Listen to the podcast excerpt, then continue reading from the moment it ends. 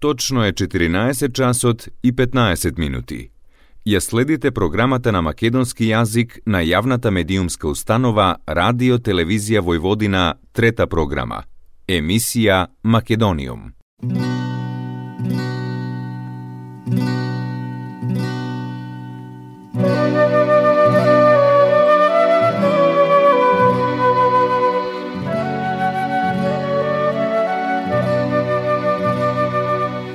Македониум.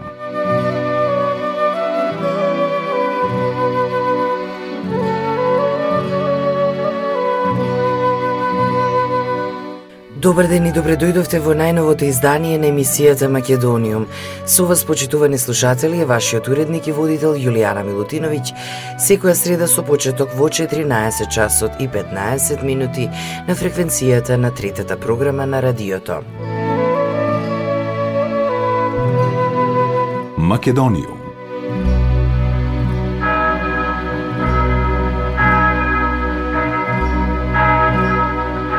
Во кинотеката на Република Северна Македонија од утре до среда 11 мај ќе бидат прикажани 11 класични наслови од српската кинематографија, продуцирани од раните 60-ти до средината на 80-тите години од минатиот век.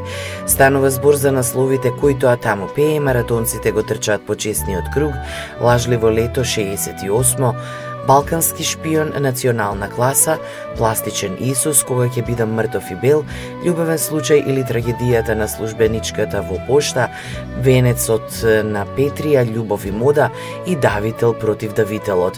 Автори на филмовите се Слободен Шијан, Горан Паскалевиќ, Душан Ковачевиќ, Божидар Николиќ, Горан Марковиќ, Лазар Стојановиќ, Живоин Павловиќ, Душан Макавеев, Срđан Карановиќ и Љубомир Радичевиќ.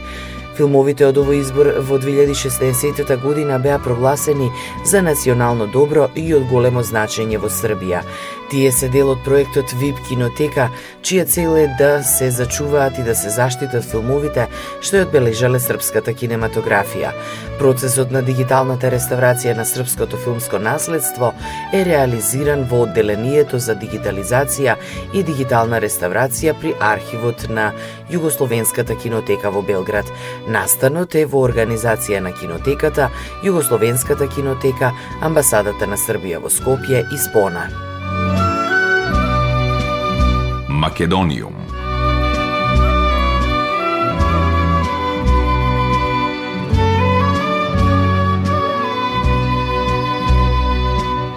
Председателот на Националниот совет на Македонското национално малцинство во Србија Борче Величковски вчера беше гостин на програмата Утрински брифинг, што се емитува на Слободна телевизија. Од 28 национални малцинства во Србија 23 остваруваат право на највисоко тело на државно ниво, Совет на националното малцинство. На прашањето каков однос имаат матичните земји кон граѓаните во Србија и националните малцинства, Величковски рече дека за жал македонската национална заедница од страна на матичната земја е оставена сама на себе и дека работи со помош на српската држава, финансиски и помош од српските институции. Исто така напомена дека Република Србија е лидер не само во регионот, туку и во светот во однос на системот на националните совети. Има нешто рече слично во Хрватска, но не е ни близу до тоа каков е односот на државата Србија кон националните совети со оглед на тоа дека самите совети се дел од владата на републиката. Советите се законски представнички тела на малцинствата со право на самоуправа, има одвоен буџет за активностите на советите, во македонскиот случај наменети за култура, образование, информирање и службена употреба на јазикот и писмото. Се дискутираше и за вкупниот буџет на македонската национална заедница, односно Советот и како тој буџет се распределува на ниво на организацијата и здруженијата кои се под капата на Македонскиот национален совет. Императив на Советот е образованието, бидејќи мора да се негува јазикот и образованието на мајчин јазик. Зборуваше и за учебниците кои се користат запишуваат во основното образование од прво до четврто одделение и кои се подготвени од стручни лица од Македонија и Србија, а испечатени во Србија како дел од образованието на македонското национално малцинство. Величковски истакна дека сметаме дека образованието е иднина за обстојувањето на македонците на овие простори и дека после филолошкиот факултет во Ниш се работи на отворање на лекторат по македонски јазик и на универзитетите во Нови Сад и Белград. Првиот македонско-српски речник на македонски глаголи е во процес на затворање и се очекува до крајот на годинава да излезе. Македонскиот јазик е воведен во оние места каде што има повеќе од 15% македонско население. Исто така Борче Величковски најави дека денеска на навршувањето 119 години од смртта на македонскиот револуционер Гоце Делчев, представници на македонската заедница преку Националниот совет ќе положат свеќе пред бис листата на Гоце Делчев пред основното училиште во Јабука кое го носи неговото име. На 5 мај денот на македонскиот јазик ќе има пригодна програма за одбележување на јазикот во ова училиште. Борче Величковски истакна колку македонската заедница е лојална на државата во која живееме и дека е вклучена на многу нивоа во Србија. Исто така е многу ценета и дека главната цел на заедницата е зачувување на нашиот јазик.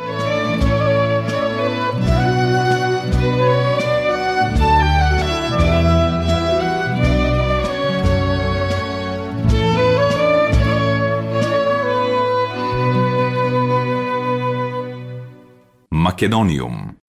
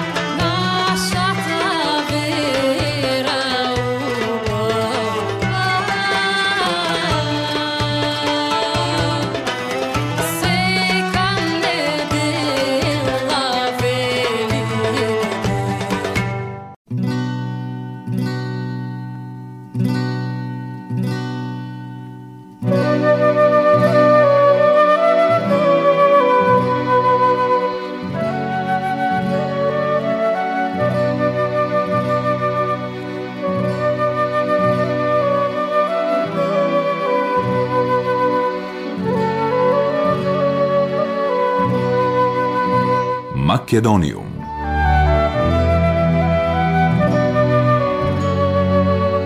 Денеска се навршуваат 119 години од смртта на македонскиот револуционер Гоце Делчев.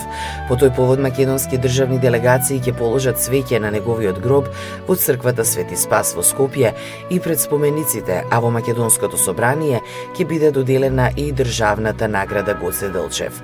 Денеска продолжува и вчера започнатиот научен симпозиум 150 години од раѓањето на Гоце Делчев во организација на Институтот за национална историја Скопје при што своји реферати презентираат 46 еминентни професори и научници од земјата.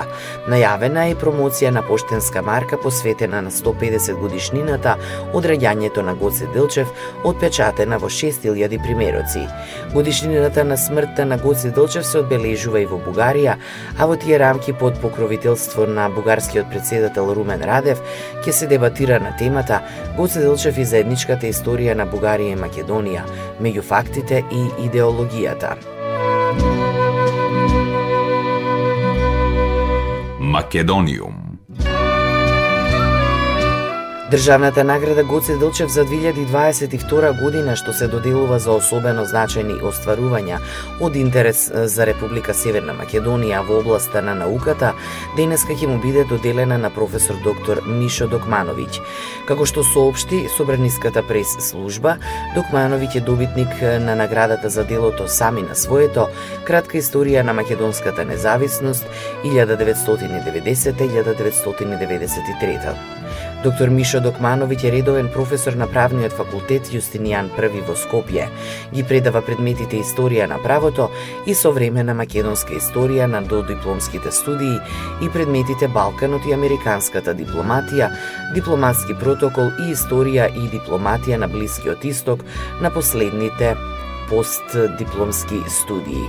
Во периодот од 2007 до 2013 година го предавал и предметот право на информатичка технологија, а за врвните резултати во научно-истражувачката дејност, доктор Докмановиќ е добитник на наградата Научник на годината на Универзитетот Свети Кирил и Методи во Скопје во 2013-та. Тој е најмлад добитник на оваа награда до сега. Докмановиќ е председател на Македонско-Американската алумни асоциација, председател на управниот одбор на Институтот за стратешки истражувања и едукација ИСИЕ, член е на одборот за акредитација и евалуација на високото образование. Од октомври 2017 година професор доктор Докмановиќ е член на делегацијата на Република Македонија во меѓународната алијанса за сеќавање на Холокаустот. Тој е автор и коавтор на преку 70 научни и стручни трудови објавени во референтни списанија во земјата и странство на англиски и француски јазик. Професор Докмановиќ е автор на првиот универзитетски учебник за американската надворешна политика, објавен на македонски јазик, Балканот и американската дипломатија во 20 век. Член е на повеќе меѓународни здруженија, вклучувајќи го Европското друштво за компаративна правна историја. Одборот за доделување на државната награда Гоце Делчев ќе ја додели наградата на Пладне во Собранието.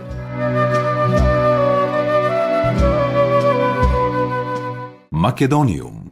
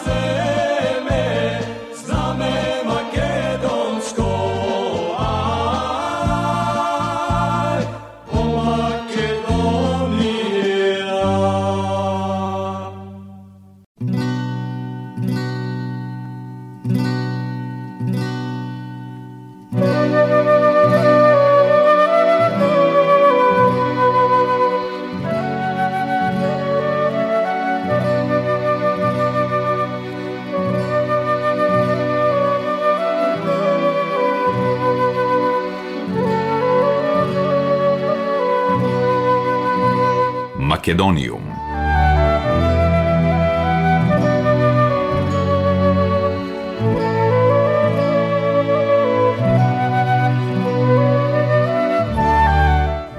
Одбележен е светскиот ден на слободата на медиумите. Северна Македонија е рангирана на 57-то место на листата од 180 земји според индексот за слобода на медиуми на Репортери без граници, што е напредок од 33 позиции во однос на минатата година, кога го зазема 90-тото место.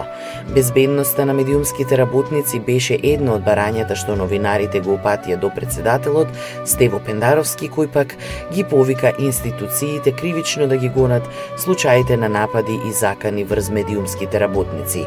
Председателот на Сдруженијето на новинари на Македонија Младен Чадиковски рече дека ограничената слобода на медиумите ја ограничува и слободата на оние за кои работат граѓаните. Првиот човек на Сдруженијето на новинари на Македонија вели дека е време за суштински промени кои гарантираат слобода и безбедност на работниците на работно место. Сдруженијето на новинари на Македонија ги повтори барањата за итно усвојување на законот со кој насилниците против новинарите ќе се гонат по службена должност и законот за намалување на драконските паречни казни за новинарите и медиумите кои со години се заглавени во собранието. Економско-социјалната положба на новинарите и медиумските работници е крајно загрижувачка. Неплатени дополнителни часови на работа, неплатени ноќни смени, скратени денови од одмор, новинарите работат во прекаријат е констатацијата на самостојниот синдикат на новинарите и медиумските работници ССНМ. Надпросечен притисок под просечни плати, Во оваа парола се состои целата суштина на состојбата во која се наоѓаат медиумските работници. Според истражувањата на синдикатот, две третини од новинарите и медиумските работници примаат подпросечни плати, а најголем дел од нив работат во така наречените големи медиуми. дури половина од анкетираните колеги рекле дека размислуваат да ја напуштат професијата. Ние немаме повеќе млади новинари. На универзитетите се запишуваат една шака студенти, истакна Павле Беловски, председател на самостојниот синдикат на новинарите и медиумските работници. Домашните медиуми, без разлика дали се телевизија, радија, печатени или портали, не вложуваат во истражувачко новинарство, во кадар, во обуки на развој на новинарите и новинарството. Председателот на Република Северна Македонија Стево Пендаровски ја истакна важноста на слободата на медиумите. Треба да работиме заеднички во рамките на своите надлежности за унапредување на медиумските слободи. Без тоа нема да имаме ниту професионално новинарство, ниту плурализам во медиумите, ниту квалитетно информирани и писмени граѓани кои ќе ги сузбиваат дезинформациите, а без слободни медиуми нема развој на отворени општества и либерална демократија, изјави Пендаровски. Тој ги поддржа законските измени кои ги бараат Сдруженијето на новинари на Македонија и самостојниот синдикат на новинарите и медиумските работници.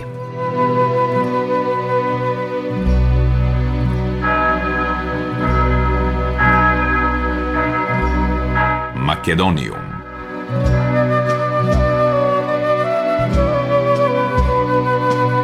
Пред 21 година на 4 мај 2001 година во Скопје, на 78 годишна возраст почина Васка Илиева, една од најпрочуените пејачки на македонски народни песни.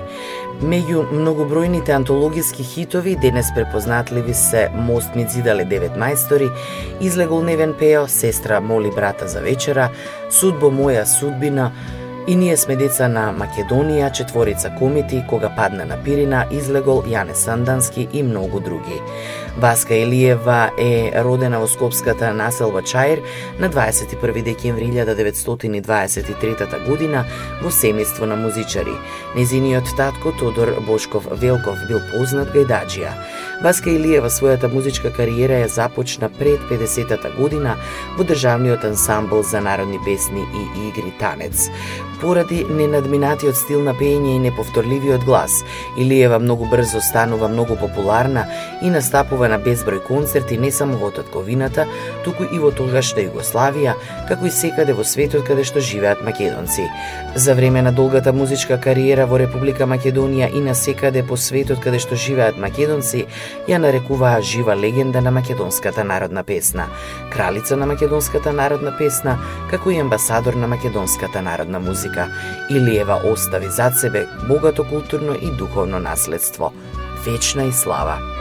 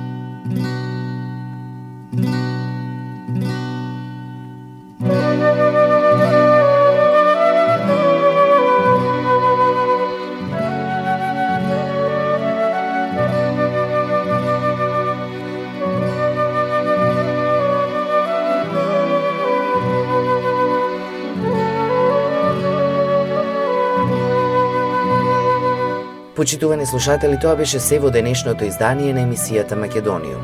До следната среда во исто време, срдечен и голем поздрав од вашиот уредник и водител Јулијана Милутиновиќ.